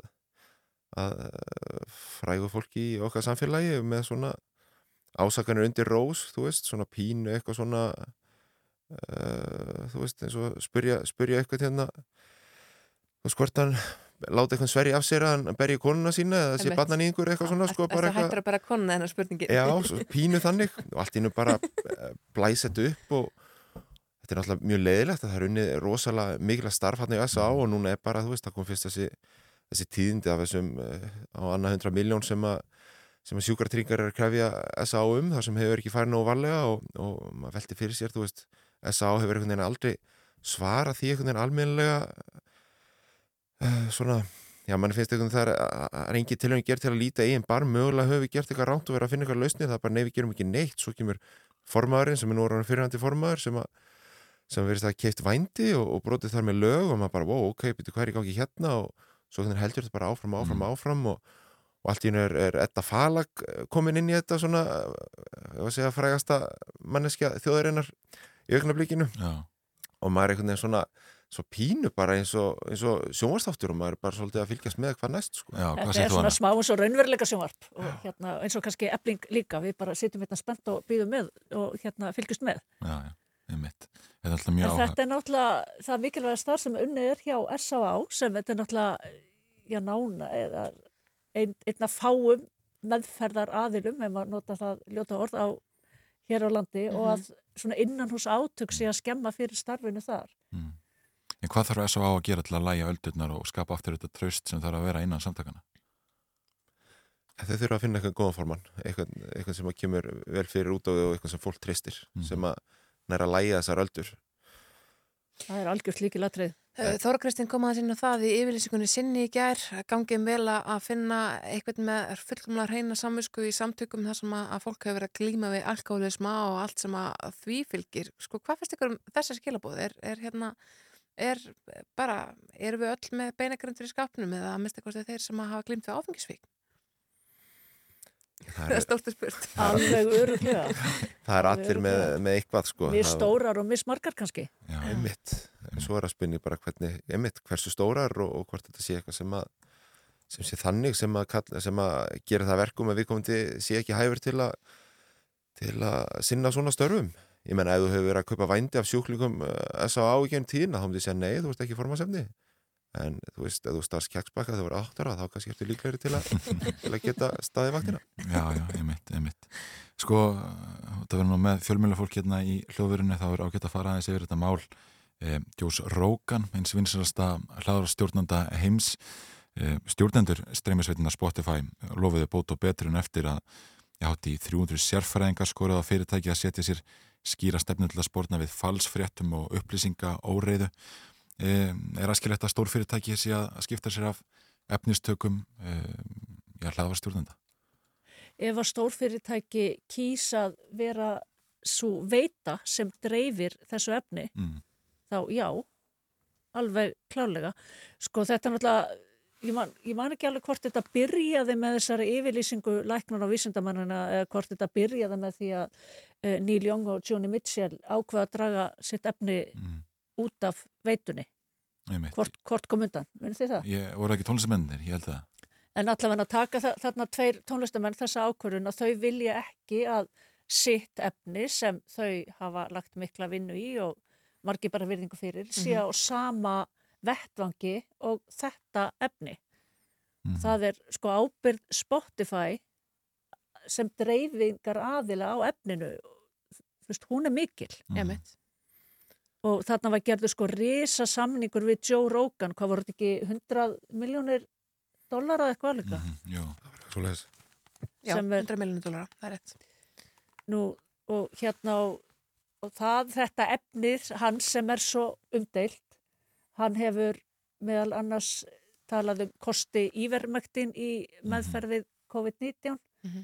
hann hefur ráði fólki frá því að fara í bólusetningar, að þykja bólusetningar sérstaklega ungu fólki og hann hefur einnig svolítið talað gegn þeim já, sóttvarnar aðgerðum sem hafa verið á valdar, allavega svona hinnum vestrana heimi og ábyrð hans er náttúrulega líka mjög mikil. Það eru kannski heldur ekkert venjulegu tímar sem við liðum að það er, það er hinsvaraldur, hann er ennþá. Mhm. En svo kemur alltaf náttúrulega hvað með málfrelsið. Já, hvað með málfrelsið? Hvað með það? Einmitt, það er stóra spurningin en þá er það náttúrulega bara í hináttina þau veikja, þeir eru náttúrulega bara svolítið töffarar hérna Johnny Mitchell og Neil Young þau ætla bara einhvern veginn að taka slægin og, og hafa fyrir viki náttúrulega veki, vakið mikla aðtikli á þessu. Og það er alveg einhver sigur unnin í því að, að nú er fólk að velta því fyrir sér og setja upp fleiri spurningamerki við Joe Rogan og hvað kemur hann að fram. Eða hvort að það sé eitthvað eitthvað í á Spotify sem eiga að meta hvern og einn einasta þátt Joe Rogan, hvort að þessi fari við strikki ekki þessi. Þetta er náttúrulega bara mjög eh, fín lína en auðvitað er ábyrðið mjög mikil en það, maður það bara í tölunum sem þessi samningur gefur, maður skilur alveg hérna og maður, skilur alveg á þessum tímum sem við lifum þar sem að skoðanir eru gríðarlega skiptar í, í báðar áttir fámunir hópur sem er alveg rosalega reyður og maður skilur reyðina að vissu leiti en svo er það þessar upplýsingar sem að, sem að flestir vísindamenn er svolítið svipað með lofslagsmál þar sem að allir tala í eina átt og svo koma einhverjir örfar á móti og það verður að grafa upp eina og eina rannsón hér og þar, einhver McDougall í Skotl Skotlandi eða einhver einn ísjálendingur eitthvað svona og allt einu eitthvað svona áhverjir ekki vera þú veist og það, ef þetta er borið upp í einhver þáttum hvort að Spotify eigi að stoppa hinga ekki lengra Já. ég veit ekki, menna það ver, þeir segjast vera búin að stoppa einhverja 10.000 hlaðvarpa sem eru að fara í loftið þannig að eitthvað er eftirlitið Mhm.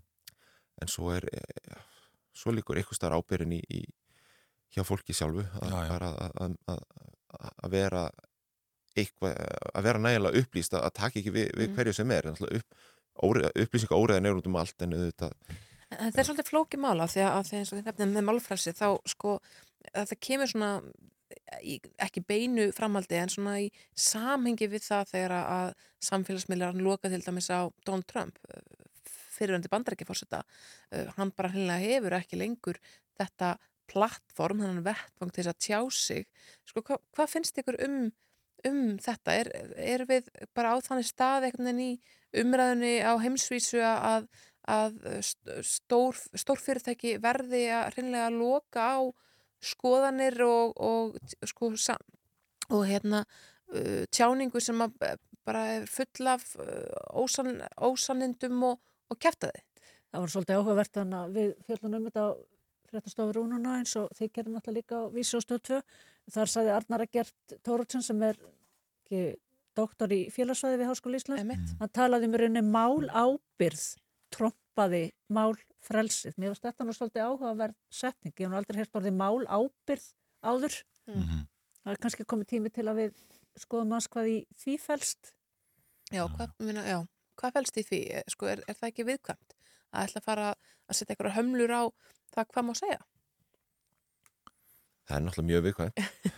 og þetta var náttúrulega svolítið einfalt í, ef það má segja það í, í tilfelli Donald Trump þar sem að maður einhvern veginn er á hinni línunni, maður einhvern veginn bara kaupir ekki þetta kæfti og maður veit að hann er að dreifa einhverjum, þú veist, í þessum, í þessum fræðum varandi bólusendingar og, og, og þú veist, þar er maður engin sérfræðingur, þú veist, það er einhvern veginn allir í úi orðin eitthvað svona sérfræðingur, maður er engin sérfræðingur þarna bara, mm. hann er bara augljóslega að dreifa fölskum upplýsingum, statt mm -hmm. og stöðut, allan daginn og, og náttúrulega vinsaldir hans að stóra hluta til út af Twitter en að sama skapi er þetta rosalega stórt skrefa að stíga að, að mm. loka á þetta.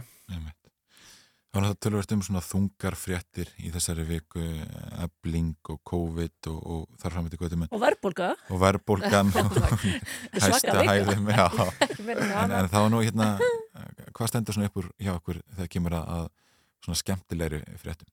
Já, ég hlakka nú svolítið til sunnudagsins. Já og hérna þá nú ekki bara því bara vegna þess að ég verð þá að vakti hérna fréttastofrúf sem er vissulegt tilökunarefni en það er líka að þá eru 70 ár síðan Elisabeth Englandsdóttning tók við völdum þegar það er hennar ljast skindilega þá var Elisabeth á ferð í Kenya með Filipussi prinsheitnum sem ljast nú háaldraður í fyrra. Eins og allir muna þess að maður sé krán mann líðnast eins og maður sé þetta bara gerast fyrir auðum á sér. Einmitt bara í beitni líka við og hérna gerir nú aðra betur hafa ríkt í 70 ár. 70 ár, já, þetta er ótrúlegt. Er, er, hún, er hún sá þjóðhungi sem hefur settið lengst eða eitthvað? Já, allavega hún hlýtur að komast á topp 10 listan. Hérna, hér áður fyrir liður náttúrulega fólk ekkert nógu lengi til þess að ríkja í 70 ár, hún mm. toppaði forverða sinn í starfi Viktoríu fyrir einhverjum árum síðan. Sem fram að því hafði það verið sá þjóðhæfingi, þau sætnasti þjóðhæfingi Breitlands Já. Ég held að þú ætlar að segja að þú hlakkaði svo til sunnundagsins af því að það veri næsti þáttur að verbúð. Ég held að það veri bara það Já, ég hlakka líka til það. Hlakka líka mjög til. Já, er það að horfa verbúð? Já. Já. Já, heldur betur. Og hvað, finnst ykkur hérna fáðið nostalgíu? Já, ég er nú eld, eld, eldri en Kolbett, þannig að mín nostalgíu er örgla sterkari tilfinningar hjá mér. Já, maður er náttúrulega kannast við, þú veist ég við erum að færast aðeins nær núna sko. Veist, þannig að Ískóla kom stertinn í síðasta þætti og, og svona og Reyni Pétur náttúrulega þú veist, það var dásalegt að sjá Reyni Pétur Hann leik saman sig í þettinum Einmitt, það var geggja, það var svolítið fyndið því að við Selma vorum að horfa á þátti sjálf og hún var svona, vá, býtu hvað býtu, býtu, er þetta bara gísli sem er að leika þetta, það sá svo illa sko. Svo alltaf komað dæri að þetta var bara Reyni Pétur sjálfur gísli við farið í mörg hlutverkjum tíðina, en það sást ekki alveg nógu vel sko, þetta var eitthvað svona Já, eins og langt burtu. Já, langt í burtu, að maður ímyndaði sér alveg að það geta verið settur eitthvað hlutverki og bara svona, er, nú eru þú bara að taka reynipjötur á það, sko, en þetta var geggjað, ég var reynd að koma, maður sá líka bara, þú veist, pælingin í sólavörnum, sko, á þessum tíma, hann bara var, hann var orðin svo svakala dökkur af þessari göngu í allar ringin, nú var maður komið heim frá tenni, þú veist, nánast kvítari en maður var þegar maður fór út, sko, þegar maður búið að bera svo mikið á sig. Bara tímað eru svo breytir Fyrir þá sem muna eftir þessum áratu, það var reyndar í tísku að vera mjög brún, eða svona appisínugur mm. en það reynir þetta var bara alveg eins já, já. Vi, Við heyrum það að þið ætlaði alltaf að horfa á verbúðum helgina ætlaði að gera eitthvað annað skemmtilegt ætlaði á vetrarhátti í Reykjavík.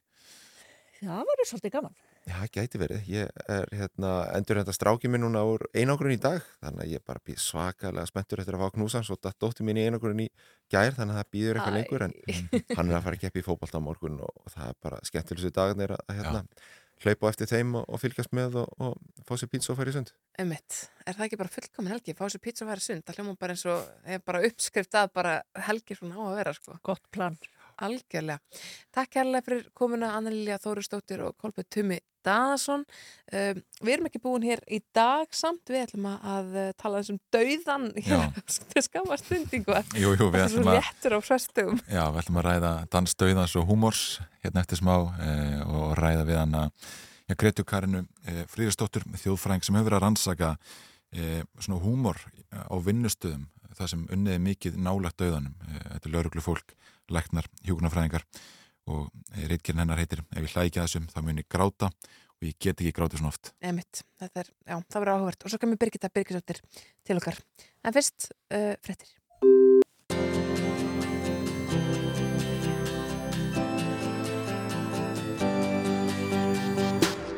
Þú ert að hlusta á morgunútvarpið á Rástvö. Jú, jú, áframhaldu við hér í morgunútvarpinu. Nokkur fjöldi fólks vinnur nálátt dauðanum dagkvæð, til dæmis læknar, hjúkurnafræðingar, lauruglufólk og svo framvegis.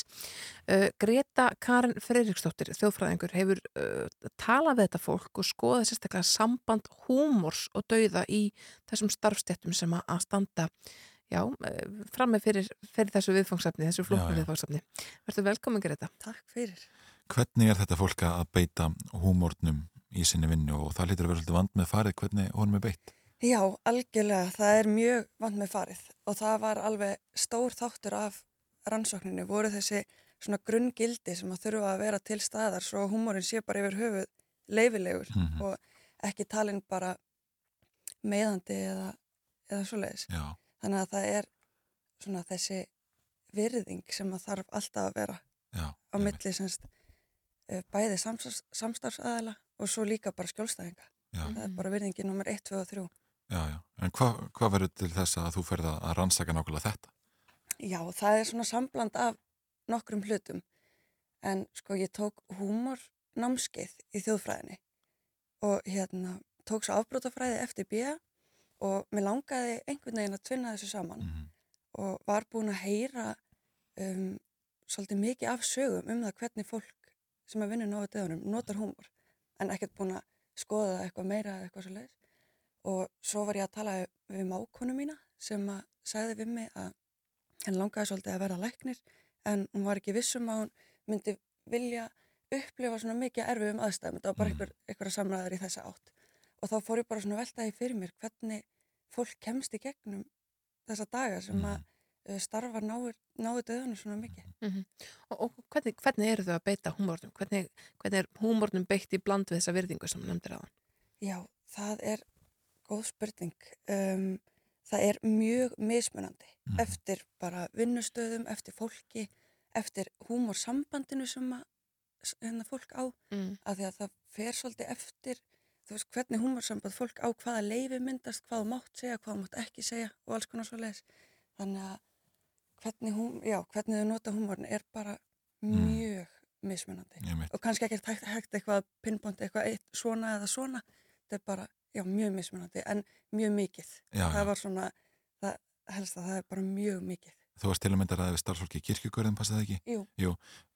Hvernig sögur heyrir þau frá starfsmunum þar e, þegar þeir eru að tala um það að þeir eru að vinna hérna nálat uh, líkum allan daginn einhvern veginn og, og, og síðan, og síðan er þeir einhvern, einhvern veginn að grínast með það. Hver, hvernig er þessar frásagnir? Um, sko, þá fyrsta sem maður sæði var í rauninni bara það er húmor sem fer ekkert hérna út af skrifstofunni. Já. Þannig að það er alveg takmarka sem að fólk var tilbúið að segja mér sko með húmorinn sjálfan en ekki, eða þú veist, meira bara svona í kringum hann. Já, já, einmitt. Þannig, en þú veist, bara guðmjögur alls konar sögurnar sem ég heyrði, mm -hmm. þú veist, voru mjög margar en svo get ég alveg trúið að þessu enn fleiri sem að, maður fær ekki að heyra af því að, Mhm. þú veist, ég er ekkert partur af húmorsambandinu þeirra. Nei. Nei. Þú veist, ég er ekki svona samþyktur Mhm. Þannig að þeir, þeir fara varlega kannski það að segja þér alltaf gróðasta. Nákvæmlega, en ég var samt alveg, það var sko fullt sem að fólk var tilbúið að segja með sko af hverju notan, til, eh, hver tilgangurinn sé og svoleiðis, Mhm. en það er meira svona haldið fyrir sjálfan sig og bara, ég bar verðingu fyrir því sko, þú veist, að ég var ekkert að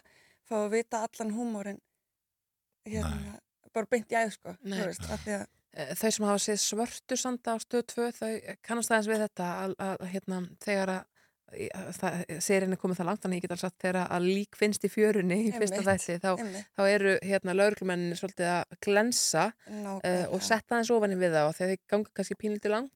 Um, sko, hvernig var snert eins og lauruglan hva- hvað sögðu þau um, um þetta Einmitt, ég... þegar þú koma kannski mitt, það er líkfundur Nákvæmlega, ég pældi mitt í þessu hérna, þegar ég sá þetta atriði og um, það er mjög mikið bara sko eins og sögundar sem ég heyrði með það, að það var einmitt bara þegar það var, voru líkfundir að þá var alveg, þú veist, heyrði eina sögu að það var hérna kona sem þurfti að býða mjög lengi í bíl með hérna látni mannesku í sjúkrabíl Mhm. og það var rosalega mikil töf Já.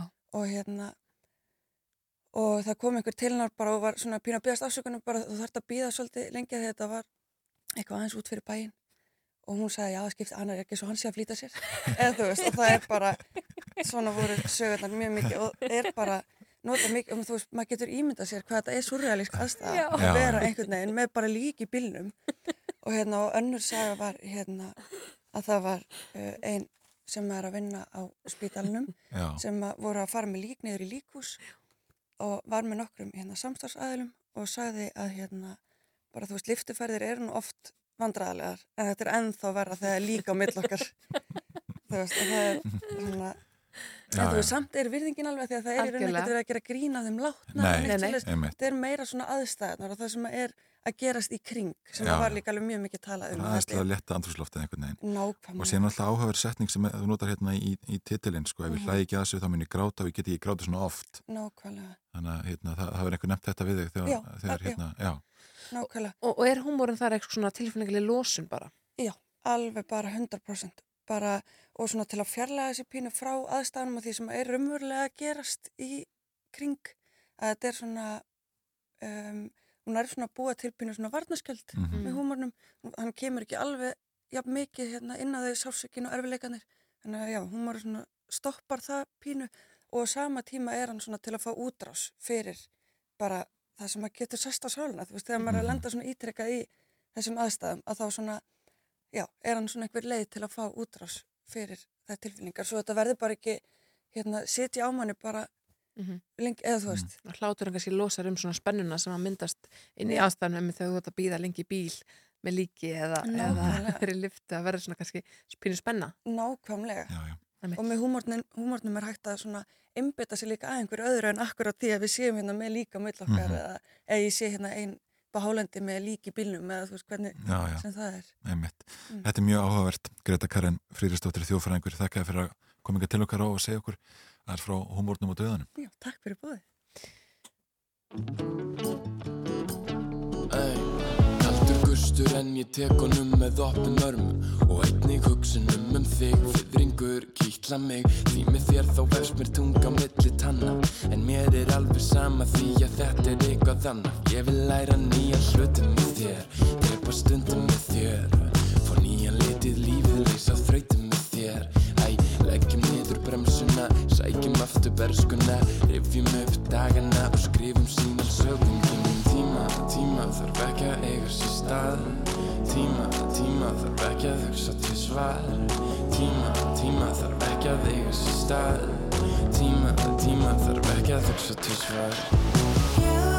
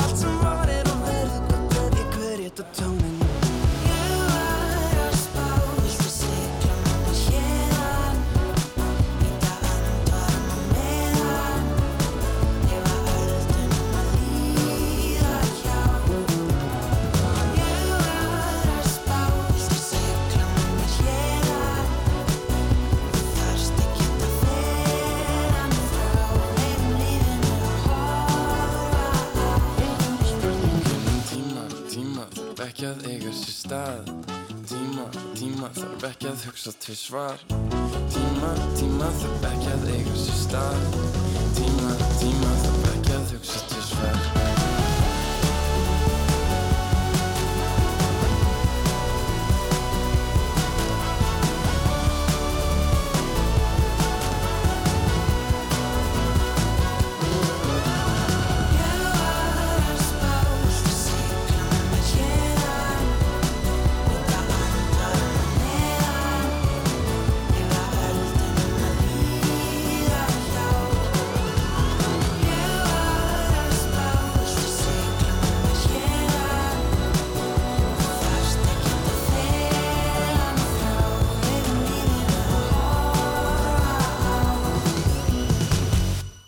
að hlusta á morgunútvarpið. Leikonan Birgitta Birgistóttir bregður sér von bráðar aftur í líkim skálkonunnar ástum Sigurðardóttir á fjölum þjóleikúsins en að þessu senni er síningin komin á stóra svið og hún er komin ykkar til okkar. Góðan daginn. Góðan daginn. Þetta hafa nú verið svona óvinnulegir tímar í leikúsinu undanfarta mánu en það kannski er svona er að byrta þess til. Já, það er að byrta til og vonandi bara til frambúðar mm -hmm. Að því maður er ansi þreyttur á vonbreiðunum sem fylgir þessu. Já. Maður er alltaf að gýra sig upp í komin alveg í hæsta gýr sko Já. og svo bara, nei, stopp, mögum ekki. Mm -hmm.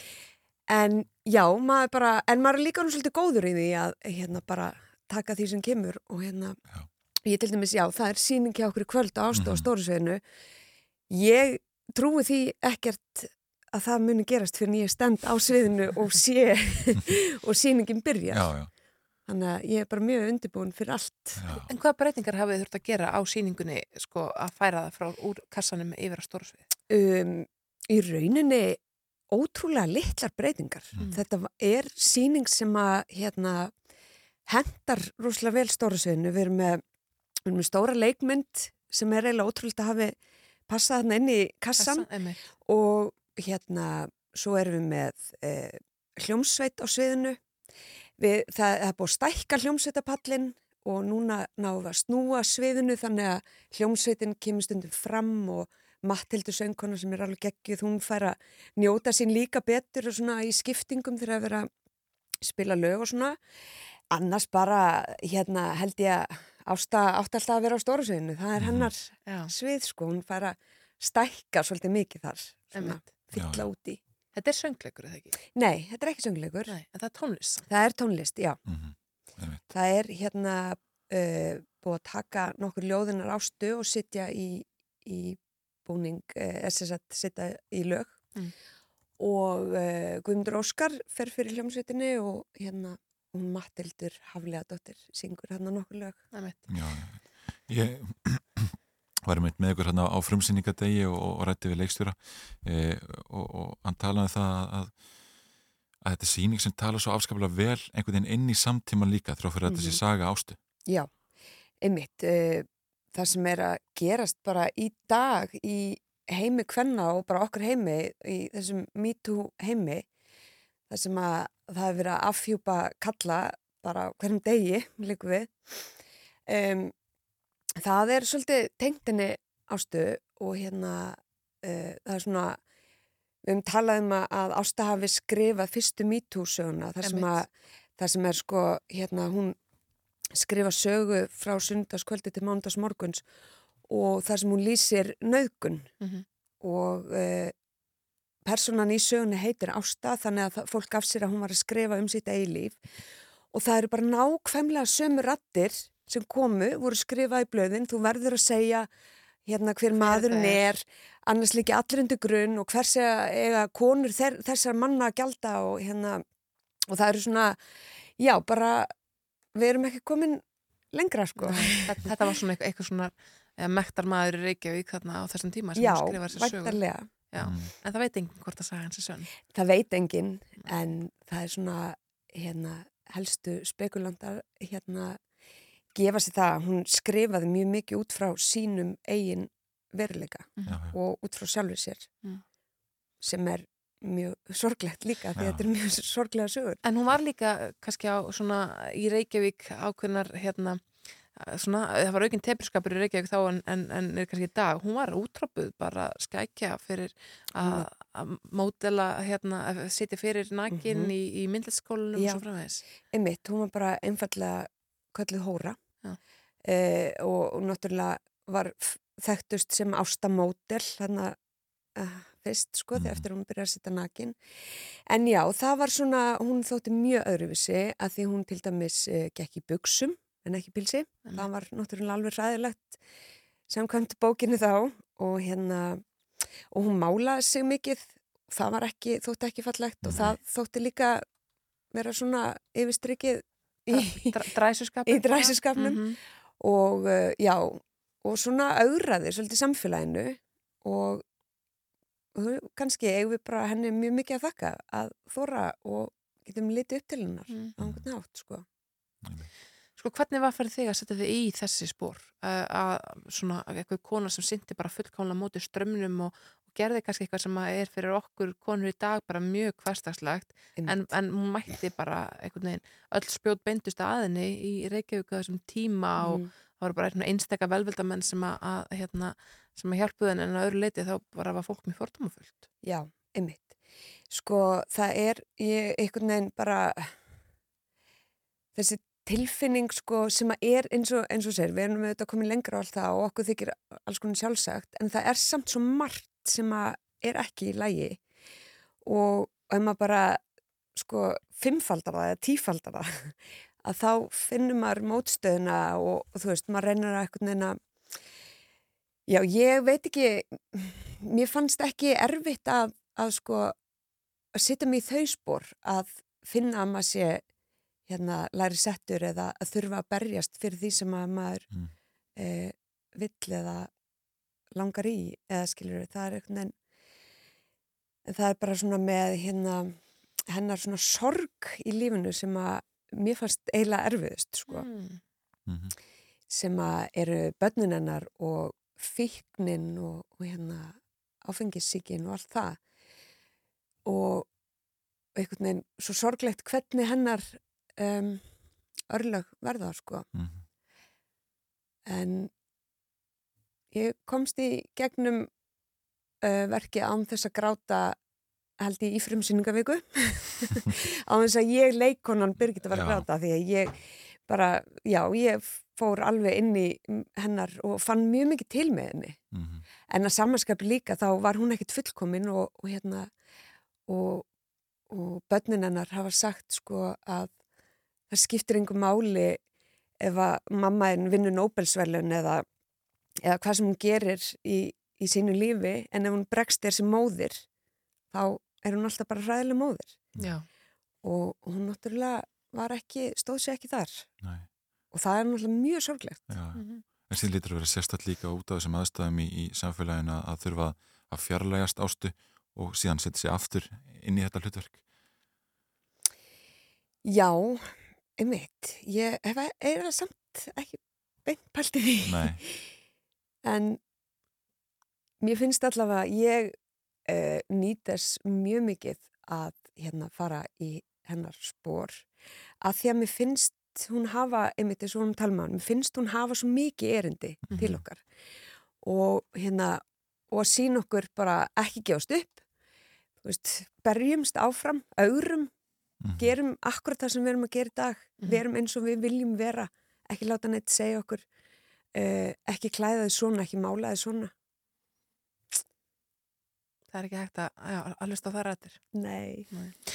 Eh, Birgitta, þú útskrifast úr eh, LHI leiklistildinni 2006, hefur Mhm. tilindi grímunar fyrir atomstofuna, húsið, fólkið kjallararum, alls konar, þetta er hérna, orðið svolítið flottur ferill.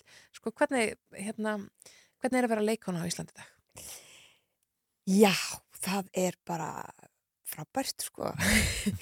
Ég, ég, mér finnst ég svona ég, að því ég er að fá að leika núna draumalhutverki mitt, Mhm. að ég hef oft verið spurð um draumalhutverk og ég hef aldrei getað svarað því ég hef aldrei átt beinlinnis draumalhutverk en þetta er draumalhutverki mitt hún ástæða og þannig að ég bara er svo hamingisum að fá að leika hana að ég bara er orðlus það er bara frábært að vera leikuna í dag og hérna og auðvitað bjartara tímar og allt það og, en ég var sem að segja fyrir jól hérna áður en við hættum í desember þegar hún sína ástóti kassa að ég gjörsamlega klöknaði í, s- hérna á harfa út í sal í framkallinu að sjá allt þetta fólk sem var komið í leikhús með grímur, búið að fara í hraðpróf leggja allt þetta á sig til þess að koma í leikhúsið. Og maður getur einhvern veginn ekki verið annað en bara þakklátur og, og bara já, maður er bara þetta er bara æðislegt bara gækja já, Sér eitthvað svo mikill þorsti held í menningu núna og, og Mhm. kannski líkur á því að sko, leikhúsi var bara enn meira á stað einhvern veginn enn áður.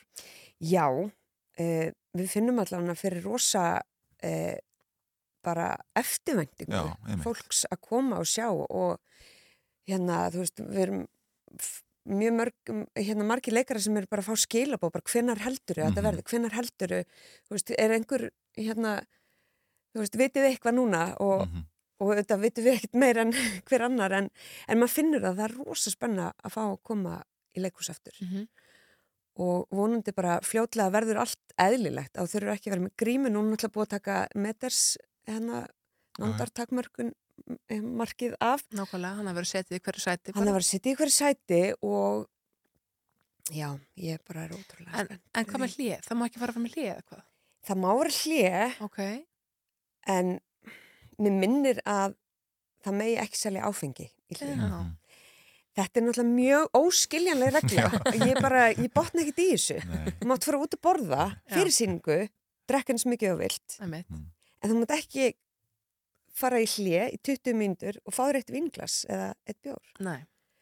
Þetta er alveg glat. ah, þessi þarf að breyta sem snarst. Algjörlega, ok, uh, það eru hérna, það er frumsýninga ástu í kvöld á stóra sviðinu, uh, hvað ætlar svo að gera um helgina? Uh, ég hérna dætur mínar eru- orðnar svolítið góðu vannar að hafa mömmu alltaf heima þannig að þetta er Já. svolítið viðbreyð fyrir þær að ég sé að sína í kvöld og sundarskvöldið þannig að það er bara hérna síningi í kvöld og svo bara kósi dagur með dætur mínum og, og Eurovision þátturinn Já, er að byrja á morgun og það er gríðalega spenna mínu heimili fyrir Nú, er það? Já, dætur mínar eru miklar hérna e, Eurovision miklir Eurovision aðdánd Já. Ok, geggjað.